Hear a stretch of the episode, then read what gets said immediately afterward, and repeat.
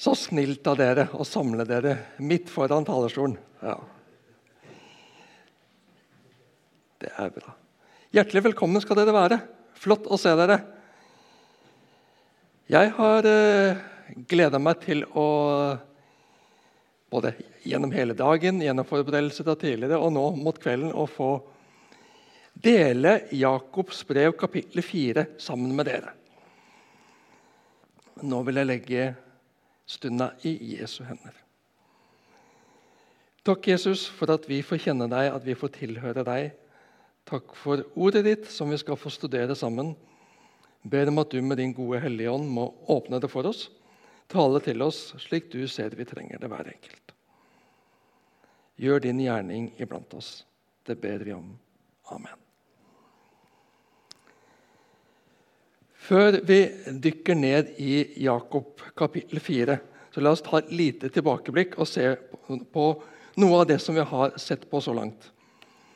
Som John Curson så poetisk uttrykker det James is not interested in how great we talk. He is interested in how straight we walk. Å tro det har liten verdi om livet vi lever, stryker over bekjennelsen framfor å streke under det vi bekjenner. Like fullt så, så, så vi i kapittel 3 at det vi sier, ordene vi sier, er langt fra betydningsløse. De har absolutt stor betydning. Tungen har makt til å løfte mennesker opp eller til å binde og trykke mennesker ned. Men det som ligger under i hele Jakobs brev, er betydningen av at troen er integrert i livet vårt. At troen ikke er en isolert åndelig greie forbeholdt stunden over Bibelen og timen mellom 11 og 12 på søndag formiddag. At det ikke blir sånn Jeg tror på Jesus, men jeg lever som jeg selv vil. Jeg er min egen herre. Jeg er min lykkes med. Nei. Den som har tatt imot Jesus som Herre og Frelser, er født på ny. Og Guds ånd vil lede ham og henne i livet til etterfølgelse av Jesus. Vi er frelst ved troen alene, nåden alene, Kristus alene. Jesus har gjort det 100% Alt som skal til for min frelse og din frelse. Det er ingen egenandel for deg og meg som vi må få til å stille opp med på egen hånd. Ingen minstekrav som vi må stille opp med selv. Kristi rettferdighet er en tilregnet rettferdighet. Jeg er i troen på Jesus tilregnet hans rettferdighet. Gud ser på meg slik han ser på Jesus, ren og rettferdig, himmelen verdig.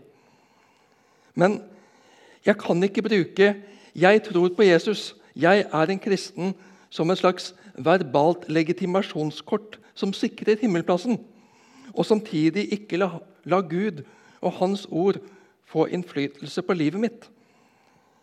Det vil avsløre at det bare er et munnhell eller en intellektuell greie, en teoretisk forstandholdelse og ikke en overgivelse til Jesus eller mottagelse av Jesus i mitt hjerte og liv. Jesus snakker om å bli født på ny av vann og ånd. Et nytt liv som tar til, og det nye livet vil bære frukt. For det nye livet er et livsfellesskap med Jesus. Jeg er podet inn i Guds tre. Han bringer liv ut i mine årer, mitt liv, og han vil bære frukt gjennom meg. Altså er det svart på veggen der. Den har jeg ikke fått til å virke, men det funker der. Det er godt. Ja. Det er ikke så farlig, jeg har det her. Jeg måtte bare sjekke at, det, mm, at dere så. Mm.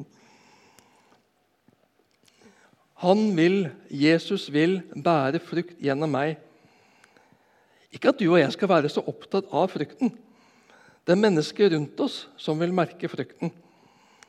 En vellukt for Gud er et annet bilde Guds ord bruker om kristne i 2. Korinterbrev 2,15.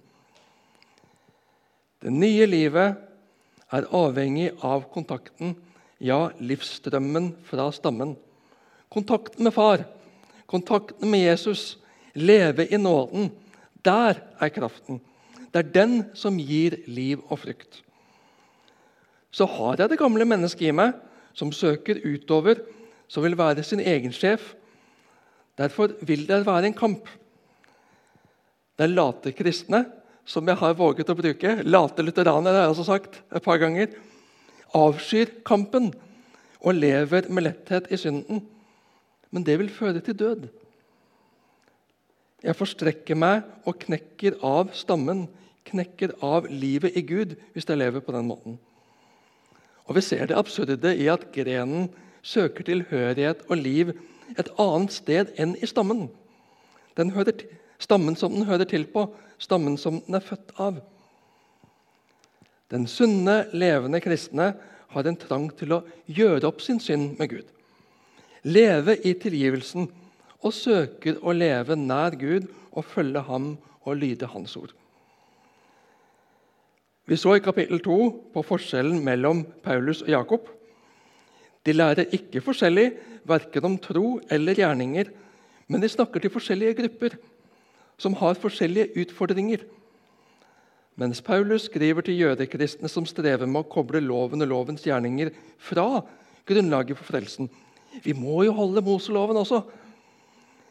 Så skriver Jakob til jødekristne som har skjønt at det er troen på Jesu verk alene som frelser meg uten egenandel, men som dermed tenker at det ikke betyr noe hvordan en lever. Jeg kan leve som det passer meg. Både Paulus og Jakob lærer at frelsen har jeg i Jesus alene. Og når jeg lever i og med Jesus, så får det konsekvenser i livet jeg lever. Da er vi klare til å gå inn i kapittel 4. Og I den siste bibeloversettelsen til Bibelselskapet så står det der med overskriften 'Vær lydige mot Gud'. 4.1-12. Vi tar ett vers i første omgang. Hvor kommer all striden og spliden hos dere fra? Er det ikke fra lystne som fører krig i lemmene deres? Med mindre at du har repetert det nå like før, så skal det noe til å huske det. Men kontrasten her er rimelig stor i forhold til der vi slutta i forrige kapittel, nemlig siste vers i kapittel 3, eh, vers 18. Rettferdigheten er en frukt som blir sådd i fred og vokser fram for dem som skaper fred. Det var fred som skulle kjennetegne de kristne. Men slik er det ikke her i, i flokken som Jakob skriver til, dessverre. Det er et tankekors at de som selv har vært gjenstand for forfølgelse og maktmisbruk, strid og splid, og derfor ble spredt ut i fremmede land i utgangspunktet, at de selv ikke holder fred seg imellom. Hvorfor er det slik? Jo, det er det gamle menneskets natur. Mens Paulus har en viss erkjennelse av at det må være stridigheter i menigheten i en verden med vrang lære og vrang vilje. Og Da tenker jeg på første kor 11, 18-19. For det første hører jeg at det er splittelse blant dere når dere kommer sammen som menighet. Og jeg tror det kan være noe i det, for det må vel være oppsplitting i grupper blant dere, så det kan bli klart hvem som holder mål. Paulus er litt der, men Jakob han går til roten av problemet og adresserer den. Lystne i lemmene, egenviljen, gamle Adam. Jakob etterlyser det nye livets konsekvenser i relasjonene i menigheten. Jakob, Jesu bror, som nok minnes Jesu inderlige bønn. Må de alle være ett, slik du, far, er i meg og jeg i deg. Slik skal også de være i oss, for at verden skal tro at du har sendt meg. Vi kan skylde på personlighet, som vi var inne på sist. Men Jakob kjøper ikke den. Jo da, vi har forskjellige styrker og svakheter, men hele oss skal underlegges Kristus. Også relasjonene de kristne imellom og hvordan de lever med hverandre, får flere utslag. Som vi ser i vers 2.: Dere begjærer, men får ikke. Dere myrder og misunner, men oppnår ikke noe. Dere lever i strid og ufred. Jakob uttrykker seg nok mest sannsynlig metaforisk her for å vekke leserne sin besinnelse. Det var nok ikke slik at menighetsmedlemmene drepte hverandre, men Jakob har sta stadig referanser til bergprekenen. Jesu tale i Matteus 57 ligger stadig som klangbunn for Jakobs formanninger. Det er ikke bare hva vi fysisk begår, som betyr noe. Ordene og holdningene avslører hva som egentlig rører seg i hjertet. Som vi ser i Matteus 5, 21-22. Dere har hørt det sagt til forfedrene. Du skal ikke slå i hjel. Den som slår i hjel, skal være skyldig for domstolen. Men jeg sier dere, den som blir sint på sin bror, skal være skyldig for domstolen. Og den som sier til sin bror 'din idiot', skal være skyldig for det høye råd. Og den som sier 'din ugudelige narr', skal være skyldig til helvetes ild. Også Johannes gjenspeiler dette i sitt første brev, kapittel 3, vers 15. Den som hater sin bror, er en morder, og dere vet at ingen morder har evig liv i seg selv. Det er ikke slik det skal være blant dere søsken. Det er ikke Guds ånd som virker slikt i mennesket. Og så fortsetter Jakob. Dere har ikke fordi dere ikke ber. Dere ber men får ikke fordi dere ber galt. Dere vil sløse det bort i nytelser. Også her hører vi gjenklangen fra bergprekenen, nå Matteus 7, 7-8. Be, så skal dere få. Let, så skal dere finne. Bank på, så skal det lukkes opp for dere. For den som ber, han får, og den som leter, han finner, og den som banker på, skal det lukkes opp for. Dessuten kan verbformen antyde at den til tider skal være i bønnen over tid. Være utholdende i bønnen, slik som kvinnen i Jesu lignelse i Lukas 18. Men det ser ut til at de ber om materielle ting, slik at de kan bruke pengene sine og vise frem eiendelene sine. Sløser de i nytelser. Jakob gjør det klart at troende ikke burde be ut ifra egoistisk vinning. At det ikke er etter Guds vilje. Den givende Gud blir tilsynelatende fordreid til en slags lykkeautomat for selvtilfredsstillelse. Det er verken Guds eller bønnens vesen. Og Nå skal vi ta første refleksjonspause. Eller det er langt fra pause, det er nå dere virkelig skal jobbe tenke, gjerne notere for deres egen del Hvordan ber jeg? Hva har fokus i mine bønner? Dere skal få ett minutt på den.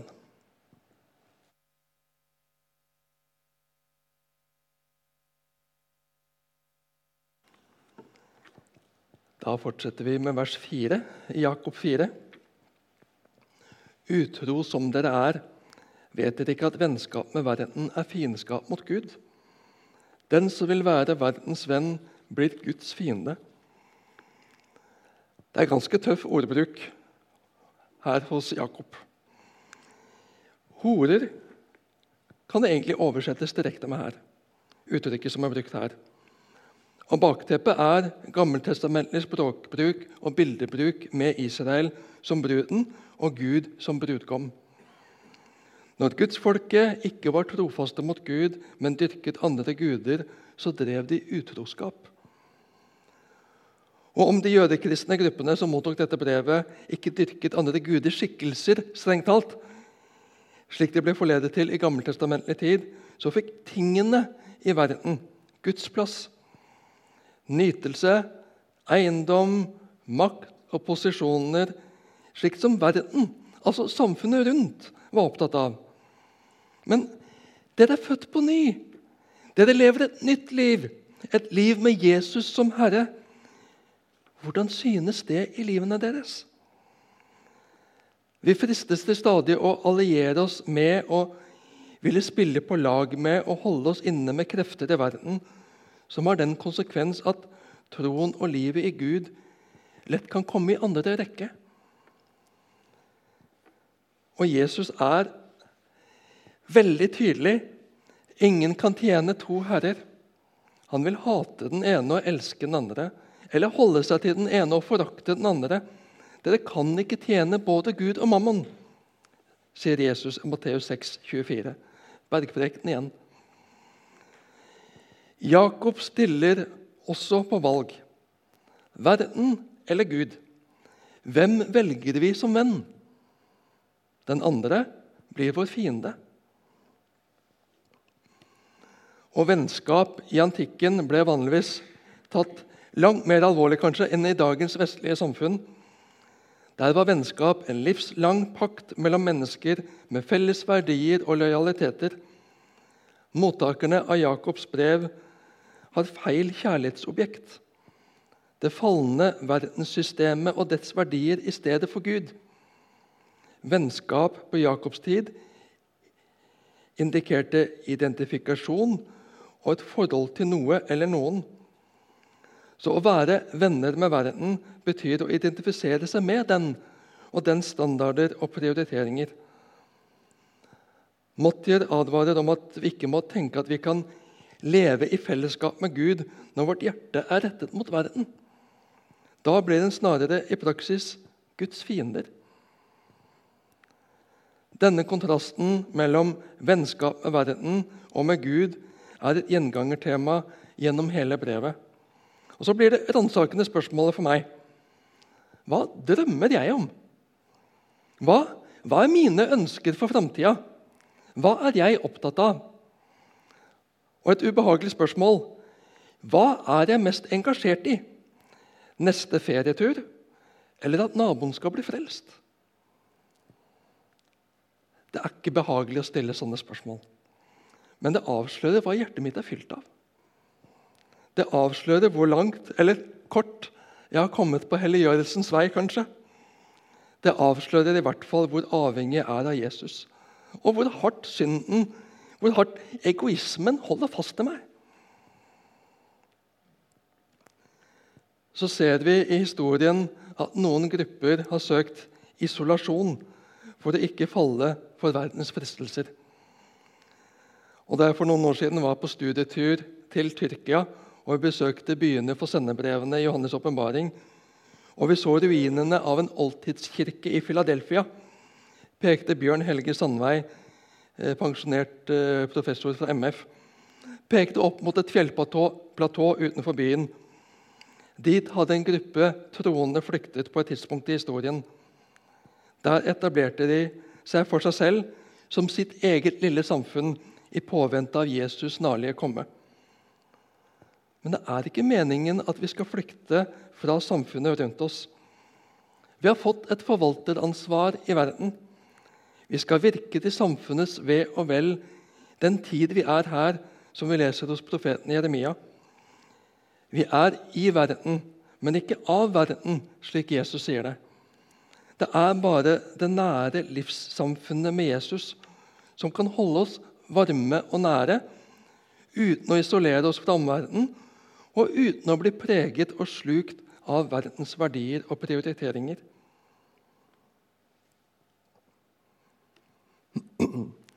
Vers 5. Eller mener dere det er tomme ord når Skriften sier med brennende iver gjør Gud krav på den ånd han har latt bo i oss? Det er ikke helt klart hvilket ord i Skriften Jakob refererer til her. Noen har hevdet at det kanskje var noe utenomkanoniske jødiske skrifter Jakob refererer, refererer til. Men det er en svak teori, for i all hovedsak refererer Skriften sier til utsagn i, i kanon i Det gamle testamentet. Kanskje er det vel så sannsynlig, slik som vi ser det i Johannes 7, 38, at det er en tematisk, en tematikk, en episode i Skriften det vises til, mer enn et sitat fra Skriften. I så fall kan vi her se en referanse til 2. Mosebok, kapittel 20, vers 5 og følgende. Du skal ikke tilbe dem, og ikke la deg lokke til å dyrke dem. For jeg, Herren din Gud, er en nidkjær Gud som straffer barn i tredje og fjerde ledd for fedrenes synd når de hater meg men viser trofast kjærlighet i tusen slektsledd mot dem som elsker meg og holder mine bud. Og Zakaria 8,2 har lignende vending. Så sier Herren over herskarene, jeg brenner for Sion med stor lidenskap. Med stor harme brenner jeg for henne.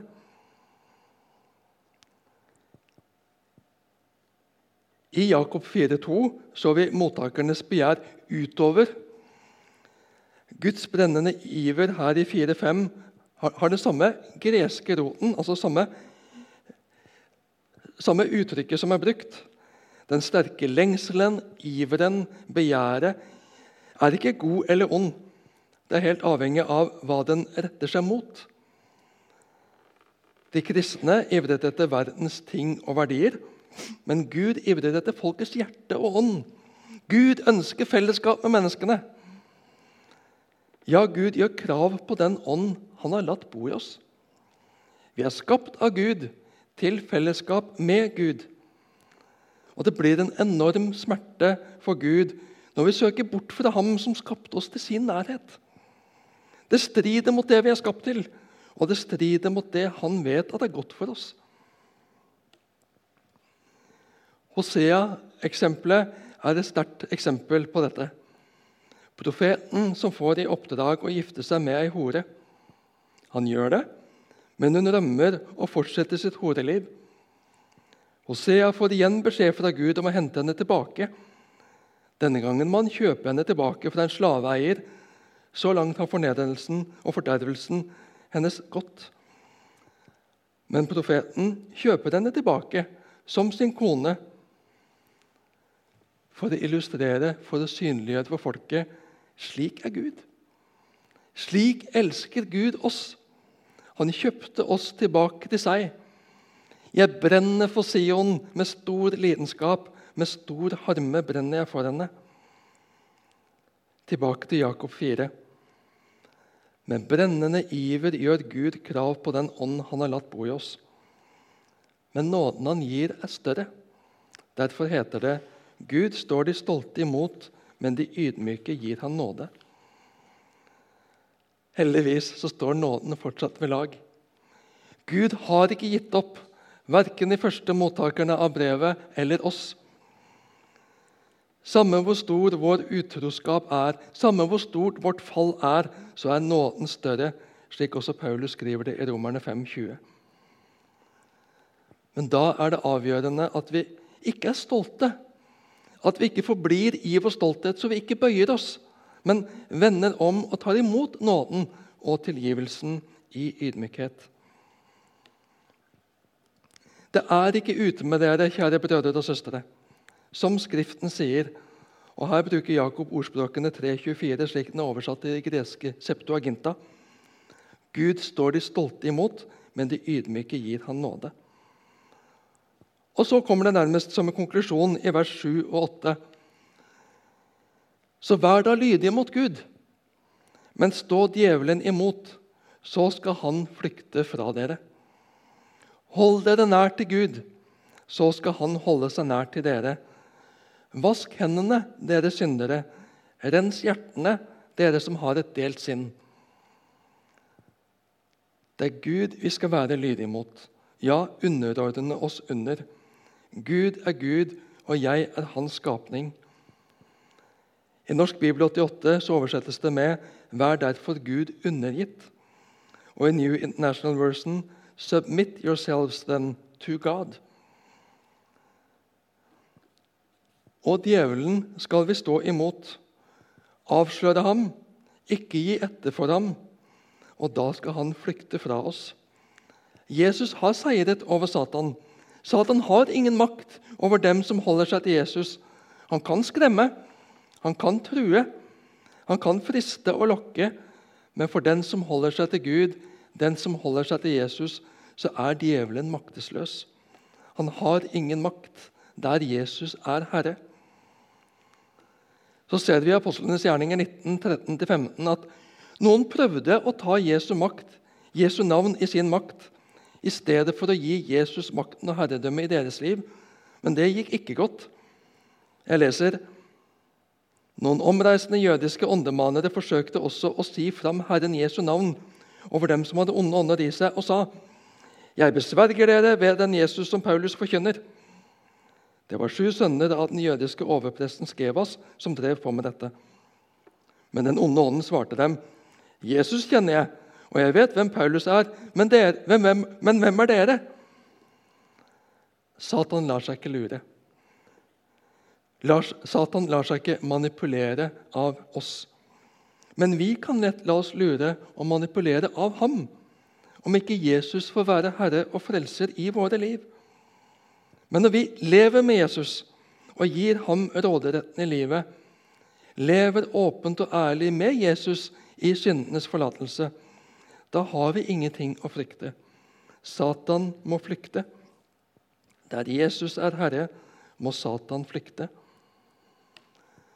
Jakob 4,8.: Hold dere nær til Gud, så skal Han holde seg nær til dere. Vask hendene, dere syndere. Rens hjertene, dere som har et edelt sinn. Vi kan fristes til å bli tekniske, teoretiske og distanserte. Jeg er jo døpt. Jeg er jo en kristen. Å leve på vanen, leve på bekjennelsen uten nærheten. Uten den levende relasjonen med Gud. Uten kontakten med Jesus. Da kan vi lett skli bort fra livet i Gud. Jakob minner oss på å leve nær Gud. Og hvordan gjør vi det? Hvordan gjør du det? Og Der vil jeg at vi skal stanse litt opp igjen. Tenk etter og noter hvordan du i din hverdag lever med Gud. Reflekter over det et minutts tid.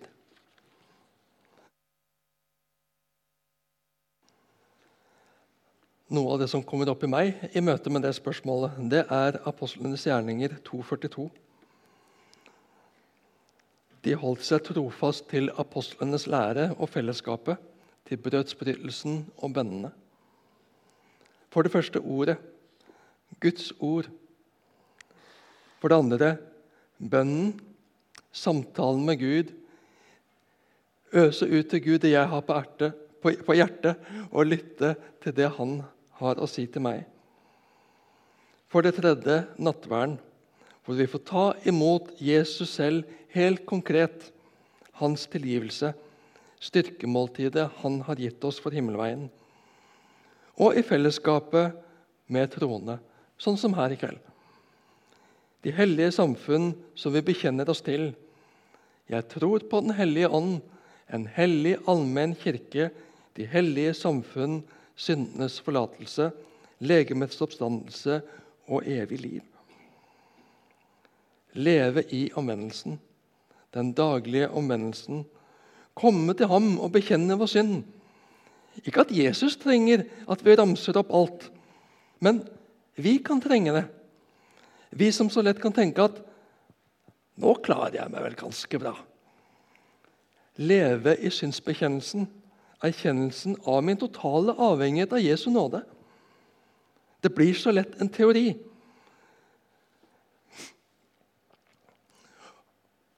Om det er sant, det vet jeg jo ikke, men jeg syns det er en illustrerende historie. Den kristne så bekjente så fromt 'Jeg er så stor en synder'. Ja, jeg hørte det. Å ja? Vi kan bekjenne fromt og vitne fromt at vi er store syndere, men hvis vi blir konfrontert med det, og det skal konkretiseres, da vekkes lett stoltheten i oss. Og, og så blir det egentlig en veldig konkret bekreftelse på hvordan det står til med oss. Men vi kan trenge å sette ord på konkrete synder og bekjenne dem for Gud, så vi erkjenner vår rette stand. Ikke bare sier det, ikke bare tenker det, at jeg er en synder som en teoretisk sak på armlengdes avstand. Vaske rene, vaskes rene på hender og føtter. Muslimene de gjør jo det når de går inn i moskeen. Når de skal inn i moskeen for å be, vasker hender og føtter. Som en plikt, som en rutine, som en ikke tenker over eller ikke vet hvorfor en gjør, det har mindre verdi. Men å vaske seg fordi en erkjenner at 'jeg skal møte den hellige Gud'. Jeg trenger renselse for å møte den hellige Gud. Da blir ytre vask av hender og føtter en symbolsk handling som minner meg på at jeg trenger renselse i hjerte og sinn. For vi har et delt hjerte. Det er sannheten om oss. Vi følger ikke Gud av et helt hjerte. Vi følger ikke Jesus av et helt hjerte. Vi er så delte i våre liv, i våre handlinger, i våre tanker og motiver. Derfor trenger jeg å leve i Jesu renselse hver eneste dag. Det er ikke en eneste kvadratmillimeter i meg som er rettferdig. Jeg må bli gitt alt av Jesus. Og når jeg erkjenner det, lever i den bevisstheten, da er jeg avhengig av ham. Da blir jeg veldig klar over at jeg trenger å leve nær Gud. Og han får beskytte og bevare meg, forme og danne meg mer og mer lik det bildet han skapte meg til.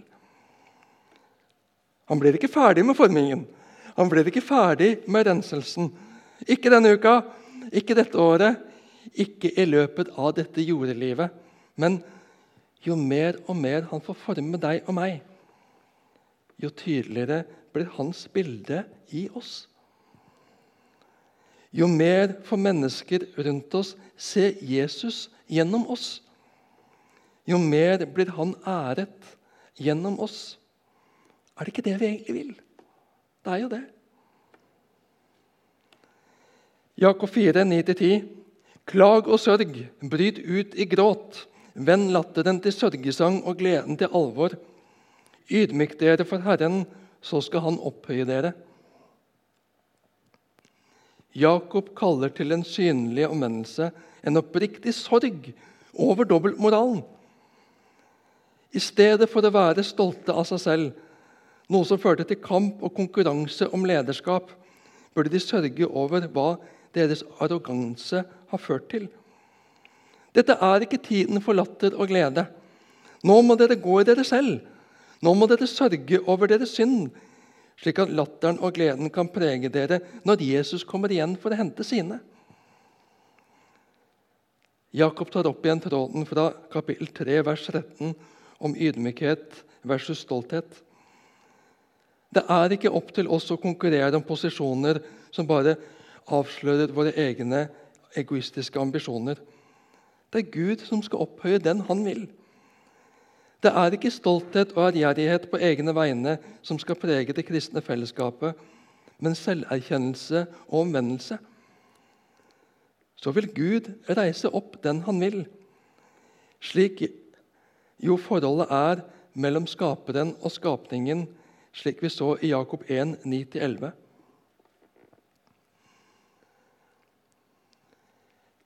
Ydmykhet er ikke passivitet, men mottagelighet. Det er absolutt ikke å krype for Gud, smiske med Gud eller andre. Det er ganske enkelt å akseptere sannhet, lære av enhver situasjon, vokse i enkelhet og visdom, uttrykker McDonald det i sin kommentar.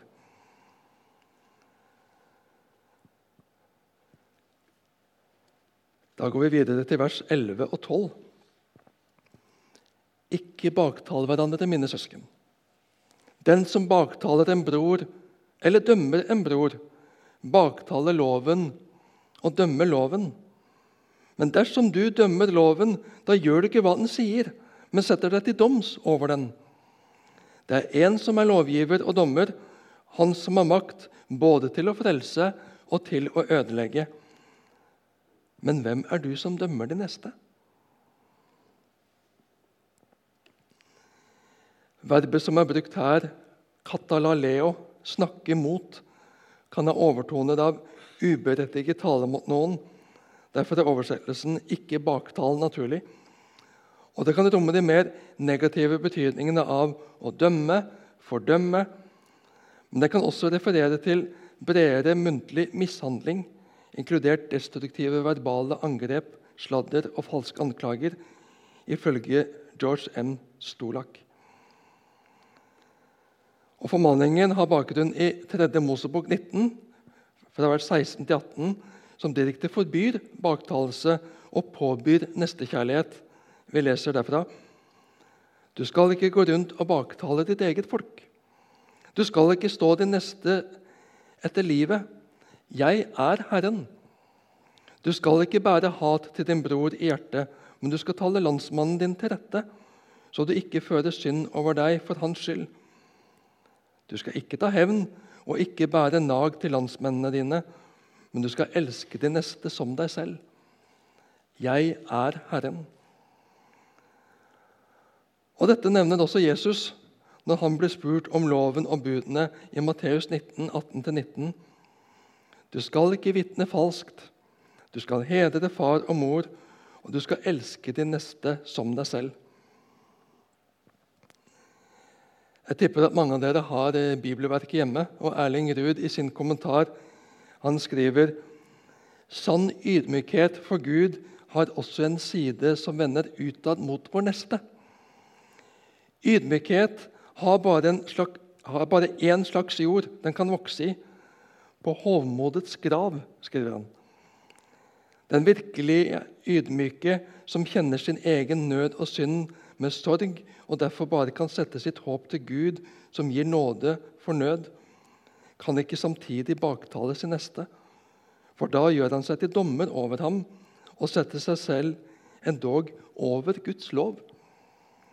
For Jesus forbyr oss å dømme og fordømme.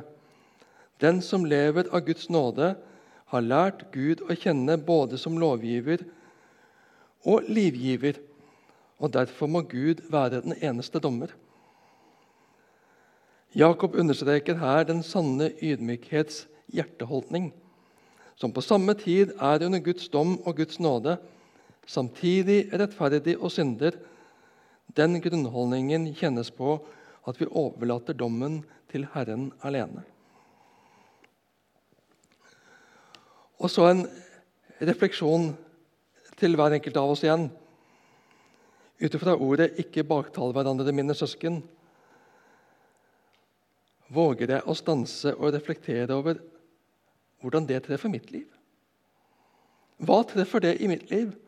Hvilke følelser vekker det i meg? Hvilke minner vekker det i meg? La det få jobbe litt i hver og en av oss før vi går videre.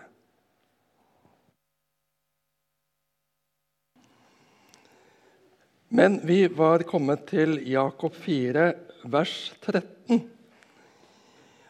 Vår framtid står i Guds hånd, satt som overskrift der. 4, 13-17. Men leser til 16 i første omgang. Og nå dere som sier i dag eller i morgen drar vi til den eller den byen og blir der et år, driver handel og tjener penger.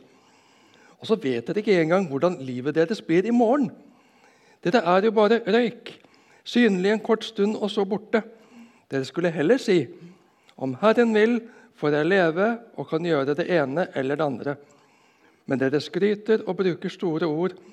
Alt slikt skryt er av det onde. Svigerfar fortalte om sin far. Hvordan, hvordan det var da det, det nærma seg oppbrudd, og han snakka kanskje om neste gang en skulle møtes, neste møtepunkt, så måtte han alltid si 'om Gud vil'.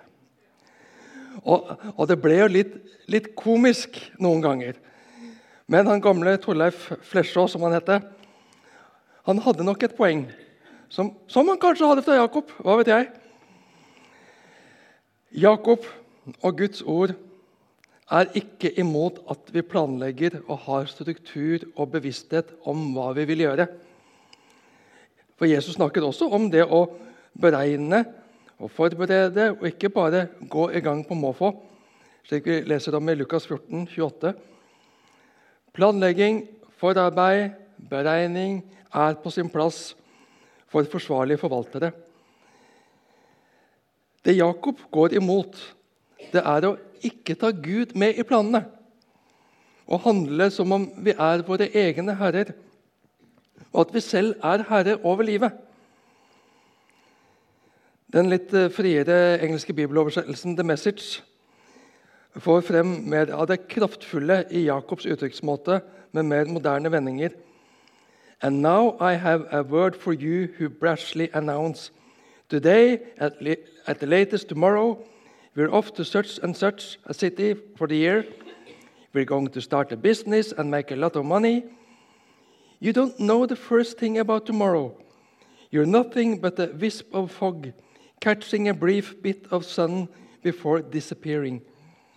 Instead, make it a habit to say, if the master wills, if the master wills it and we're still alive, we'll do this or that. As it is, you are full of your grandiose, your grandiose selves.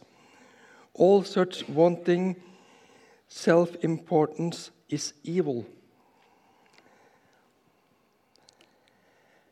Det som provoserer Jakob, er holdningen som avslører en stolt selvtilfredshet som viser en rent dennesidig planlegging, og hvor målet er å bli rik.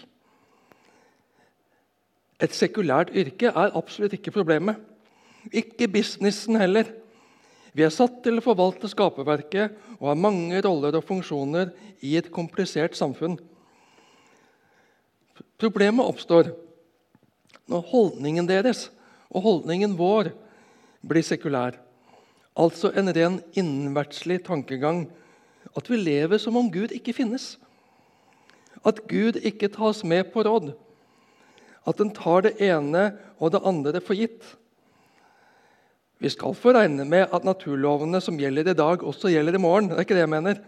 Hvis ikke så ville vi ikke kunne forholde oss til noe som helst. Men ingen kjenner morgendagen. Jeg har ikke kontroll. Det er Gud som har kontrollen. Det er Gud som opprettholder livet. Det er Gud som gjør at jeg kan leve, røre meg og drive med det jeg gjør. At virkeligheten rundt meg er en slik forfatning at jeg kan interagere med den og med andre. Når vi tar så mye for gitt, mister vi så mange farger og blir blinde for alle Guds gaver all hans til, tilretteleggelse, alle hans velsignelser. Og så har vi lett for å tenke at alt hviler på oss. Alt vi skal få til, hva vi må prestere. Og så blir det tunge brydder og høye skuldre. Alt hviler i Guds faderhånd, eller som Grundtvig skrev det i salmen Alt står i Guds faderhånd. Hva Han vil, det gjør Hans ånd. Av Guds nåde til Guds ære. Evig glade skal vi være i vår Herre Jesu navn. I vår Herre Jesu navn. Det er bevisstheten Jakob etterlyser i sine troende søsken. Vi kaller oss Kristi etterfølgere, men har vi Kristi perspektiv på tilværelsen for øye? Lever vi for det Han skapte oss og frelste oss til å leve for? Vi blir snublende lett grepet av materialismen rundt oss. Men vi ble ikke skapt for å tjene mest mulig penger. Vi ble ikke skapt for å skaffe oss mest mulig. Vi ble ikke skapt for å leve mest mulig behagelige liv og oppleve mest mulig til egen nytelse. Vi ble skapt til å forvalte, til å ta vare på, til å foredle det Gud har skapt. Til foredle det Gud har skapt til av Guds nåde, til Guds ære og til gagn for våre medmennesker. Men en bevissthet, med en bevissthet om at mitt liv er i Guds hånd. Jeg vet ikke hvor lenge jeg skal leve her på jord. I grunnen så er det en forsvinnende kort tid i forhold til evigheten jeg er skapt til å leve, være og vare. Dette livet er på sett og vis et mellomspill. Et viktig mellomspill. Vi ble skapt i paradis til å leve i Guds nærhet. Og vi er vunnet tilbake til Gud, vår Far, i Jesu Kristi lidelse, død og oppstandelse for vår skyld. Vi skal tilbake til paradis, til Guds rike, til Guds nærhet. Men nå lever vi for en avgrenset periode under syndens konsekvenser i denne tidsalder. Et mellomspill hvor vi har et ansvar og en viktig oppgave. Men dette er ikke langt. Dette er ikke alt. Ikke på langt nær alt. Men syndens perspektiv gjør meg så nærsynt at jeg fortaper meg i ting og tang og velstand her og nå.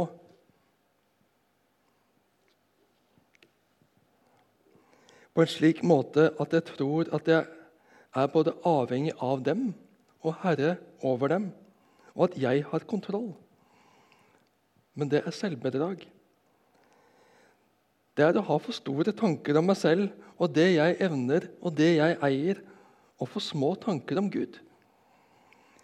Vi skal bruke vettet vi har fått, men vi skal ikke innbille oss at livet vi har, er avhengig av og kontrollert av vår kløkt og visdom. Rent språklig så bruker Jakob innledningsvis en vending 'og nå', som også kan oversettes med 'kom nå', som ofte introduserte tenkte motstandere eller ble brukt som forord som innledning til harde ord i satire. Jakob ønsker å vekke sine lesere opp fra en vanetenkning som egentlig ikke er sunn eller rett. Når de sier i dag eller i morgen drar vi til den eller den byen og blir der et år. Driver handel og tjener penger. Her har selv kontrollen. Som om en selv har styringen. Usikkerheten langs veiene er ikke tatt i betraktning. At de skal tjene penger, er liksom selvsagt.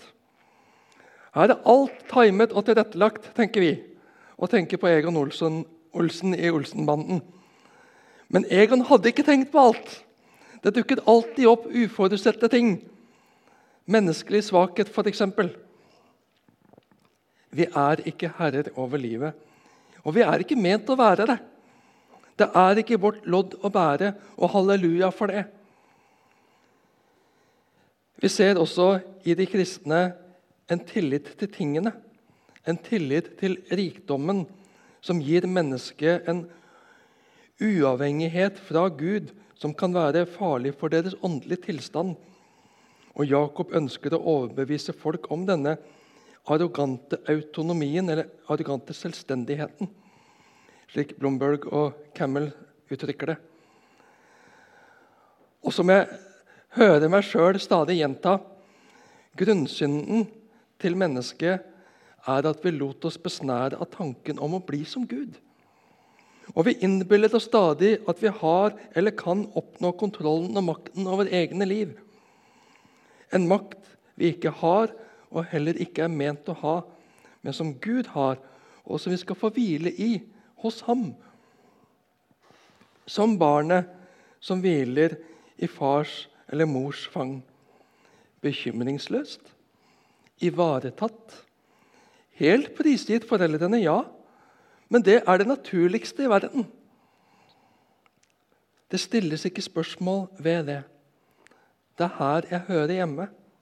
Det er slik det skal være.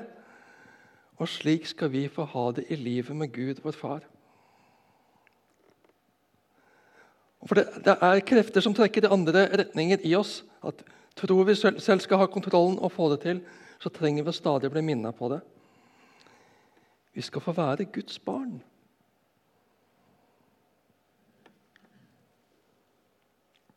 Mitt liv er i Guds hånd. Vers 14. Og så vet dere ikke engang hvordan livet deres blir i morgen.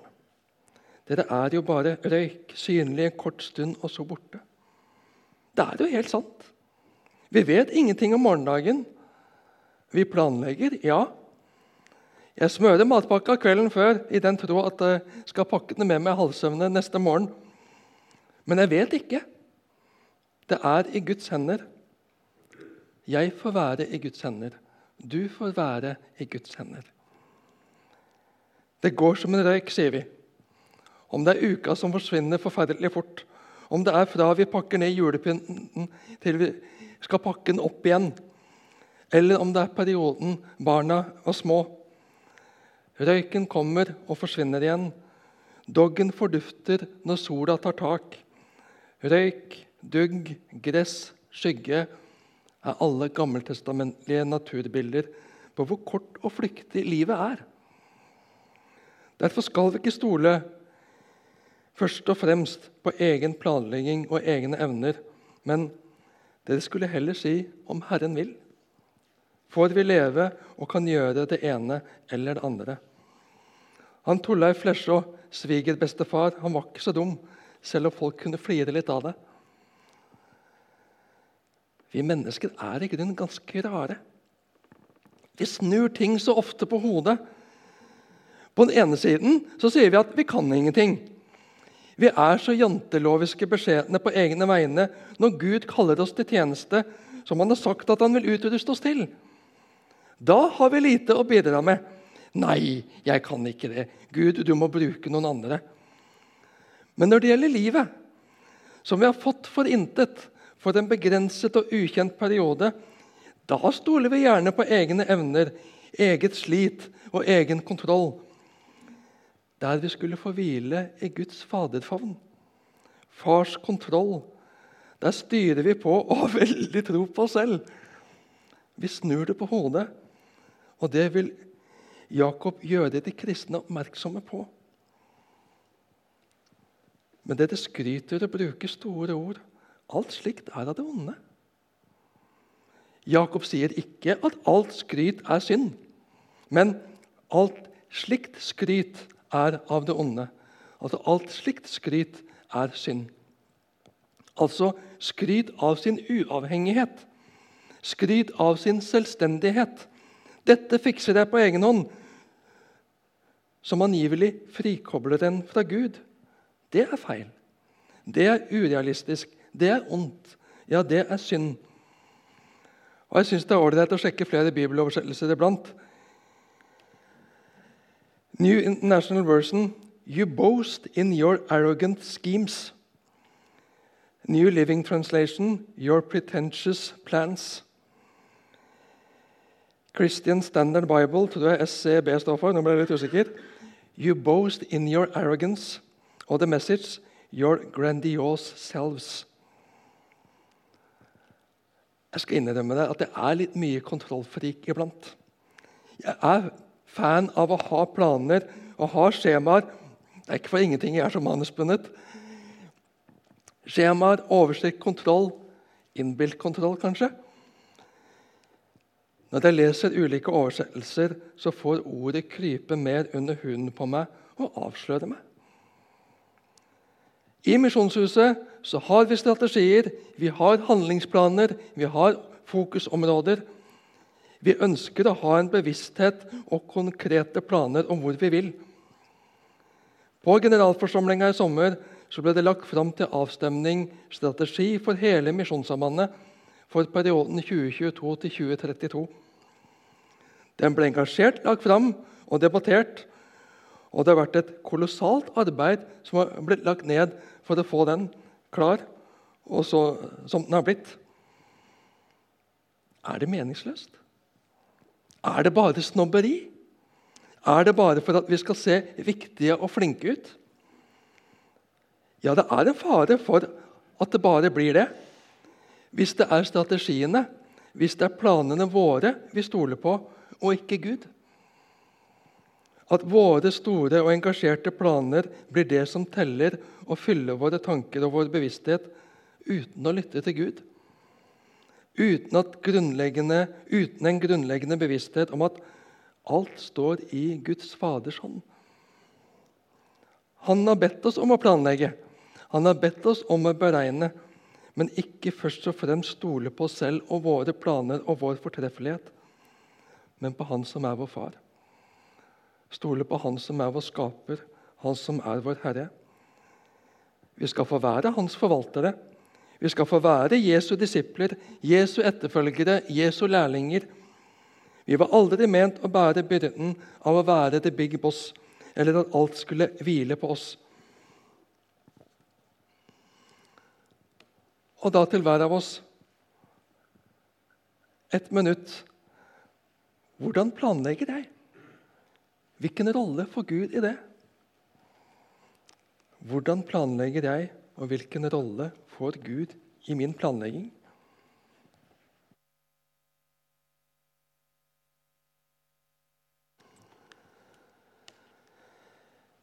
Jakob 4, 17. Den som vet hva godt han burde gjøre, men ikke gjør det, han synder. Når jeg leser det, eller hører det verset, så ser jeg for meg en oransje notatbok. Liten notisbok. Og Det handler om at dette er av de versene Frank 13-14 år oppdaget i egen bibellesning og pugga. Og Jeg skal innrømme at jeg er litt imponert over Frank 13-14 år. For jeg har ikke den samme kustusen i dag. Jeg har ikke den samme gutsen i dag til å pugge bibelvers. Men kanskje kan det få lov til å være med å frimodiggjøre oss på å oppmuntre barn og barnebarn til å oppdage Bibelen. Til å studere Bibelen på egne premisser. Gjøre dem oppmerksomme på bibelleseplaner. Stimulere bibelglede. Jeg pugga dette verset tidlig i tenårene, og det har ligget der som en skatt og en ressurs i meg siden. Det har sagt meg noe om hva synd er, og hva kristenlivet er. Synd handler ikke bare om å la være å gjøre de gale tingene. Men det er synd også å la være å gjøre de gode tingene som jeg vet vi skal gjøre. Det er synd på oss om vi går glipp av å gjøre det gode. Det er synd på de som går glipp av den godheten fra oss. Og for å bruke begrepet i sin rette bibelske betydning vi synder mot Gud når vi ikke gjør det gode vi vet vi burde gjøre. Det utvider perspektivet den selvsentrerte Frank ønsker å holde seg til. Jeg foretrekker intuitivt å ha nærmest en sjekkliste over ting jeg skal holde meg unna. Da går jeg klar. Da er jeg i orden. Da fikser jeg det. Men det blir et misbruk av strofen i den kjære og gode sangen når jeg og Jesus alene er. Da er det hugnad å leve her. Da blir det mitt individualistiske, selvsentrerte fromhetsliv. Det er ålreit for det religiøse mennesket å anstrenge seg litt for å være på den rette sida, ikke minst overfor Gud. Jeg vil jo være en god kristen, men det blir for snevert, og det blir meg selv i fokus. Jakob utvider perspektivet. Jeg lever ikke for meg selv. Jeg lever heller ikke for å ha min sak i orden med min Gud i snever forstand. Jeg er plassert her med mennesker rundt meg som jeg er ment å være god mot og gjøre godt mot. Så hender det at vi både tenker og hører Hva kan lille jeg gjøre i det store og det hele? Det er jo enorme behov. Jeg kan ikke hjelpe alle. Nei, Ingen kan gjøre alt, men alle skal få gjøre noe. Ja, her får vi bidra med noe, til gode for andre. Ja, om vi unndrar oss det, da synder vi. For noen søndager siden vi, var vi innom Kain og Abel. Er jeg min brors vokter? spurte Kain, så uskyldig han kunne etter å ha drept sin bror da Gud spurte om hvor Abel var. Ja, vi er vår brors og søsters vokter i den forstand at vi skal vokte deres ve og vel.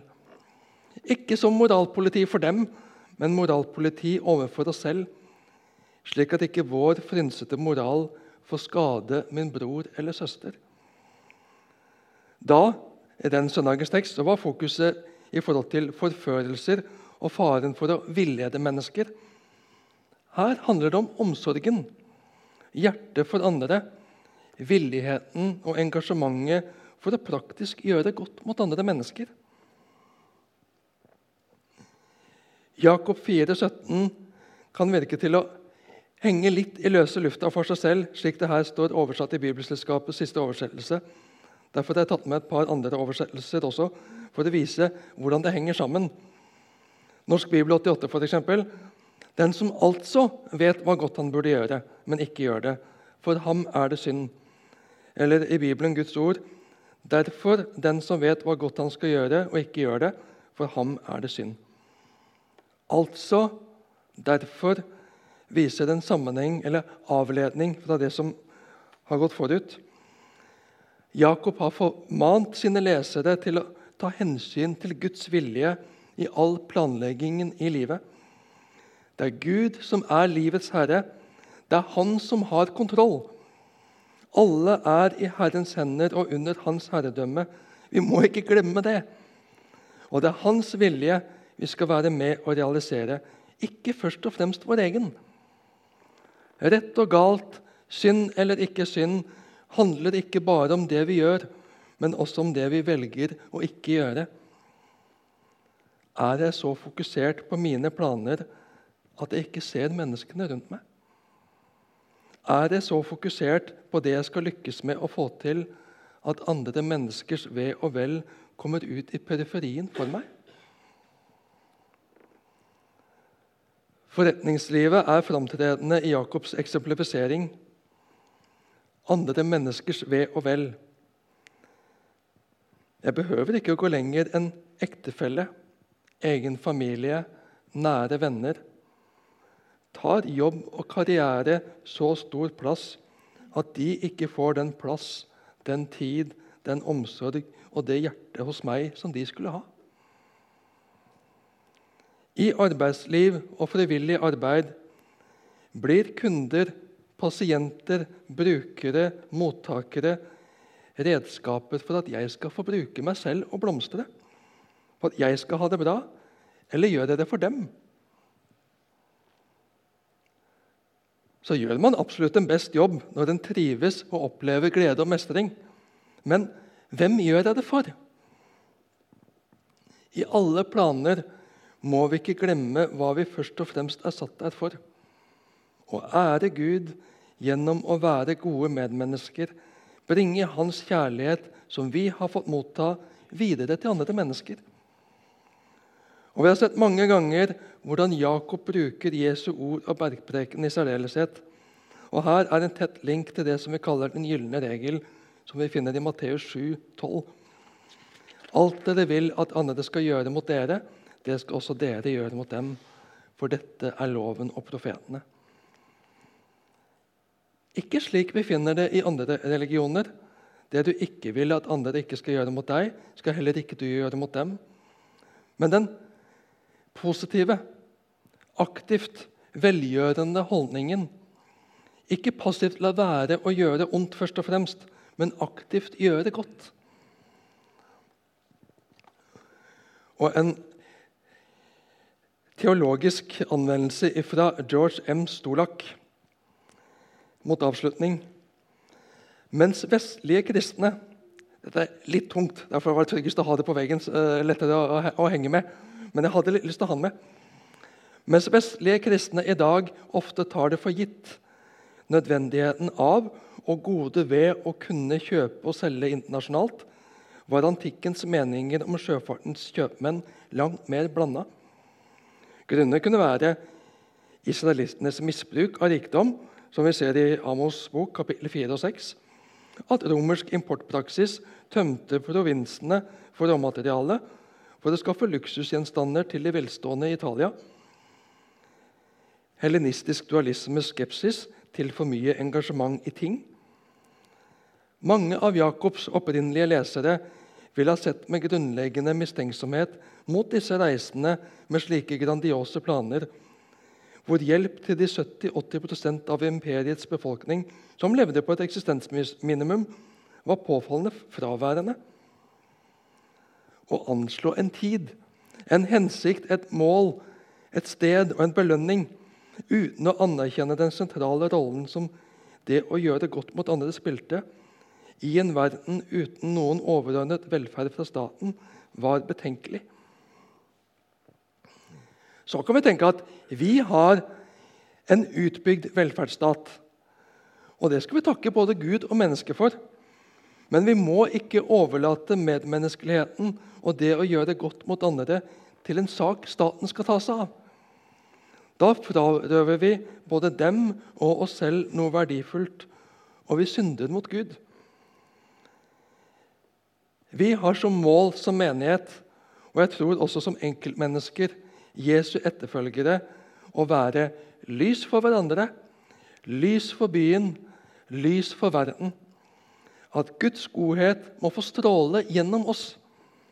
At den kjærlighet vi har fått motta, som vi får være avhengige av, at den får stråle gjennom oss til praktisk nytte og glede for mennesker rundt oss i et både lokalt perspektiv og et globalt perspektiv. Ingen kan gjøre alt, og vi skal ikke la slike bibelord gi oss kronisk dårlig samvittighet for det vi skulle gjort mer.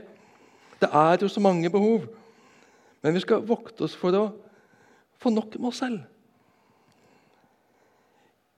Vi skal få dele rikelig, se og gjøre godt mot andre. Og så skal vi, som Gud selv gjorde, få hvile og glede oss over alt det flotte Han har skapt og plassert oss i. Hvilen og gleden og den gode avhengigheten av Far, som gir energi og åpnede øyne mot Hans verden. Og den siste refleksjonsøkta i kveld, som jeg initierer, i hvert fall, til ettertanke Er det noe godt jeg vet jeg burde gjøre for en i familien, for en nabo, for et annet menneske Gud har minnet meg på? To minutters egen refleksjon over den.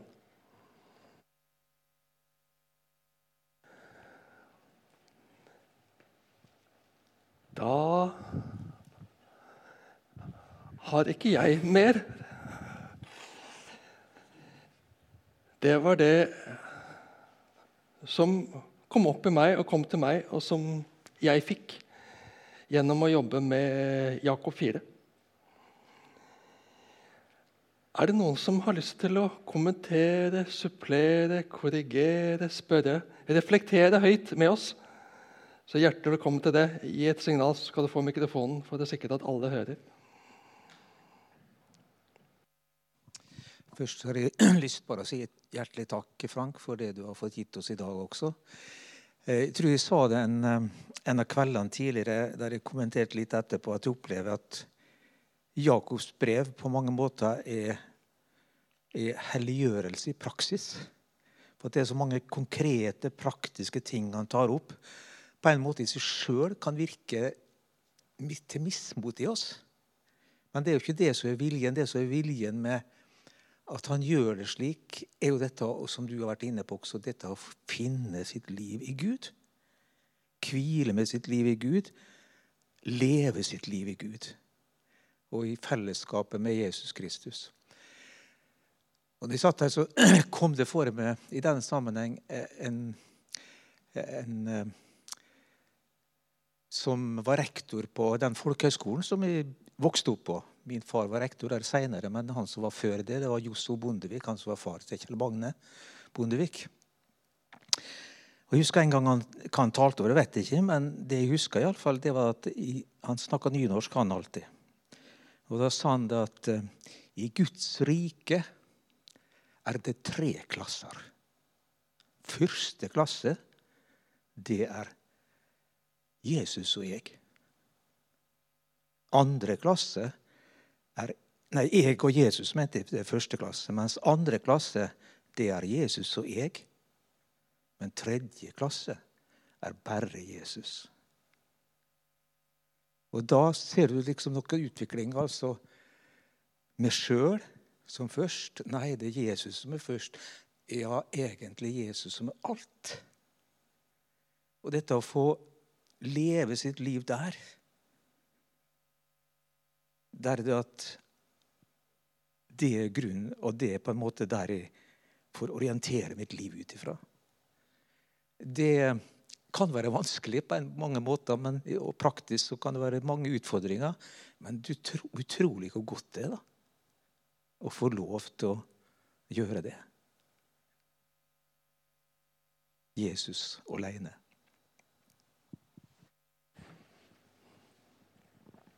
Takk skal du ha flere som vil dele noe med oss?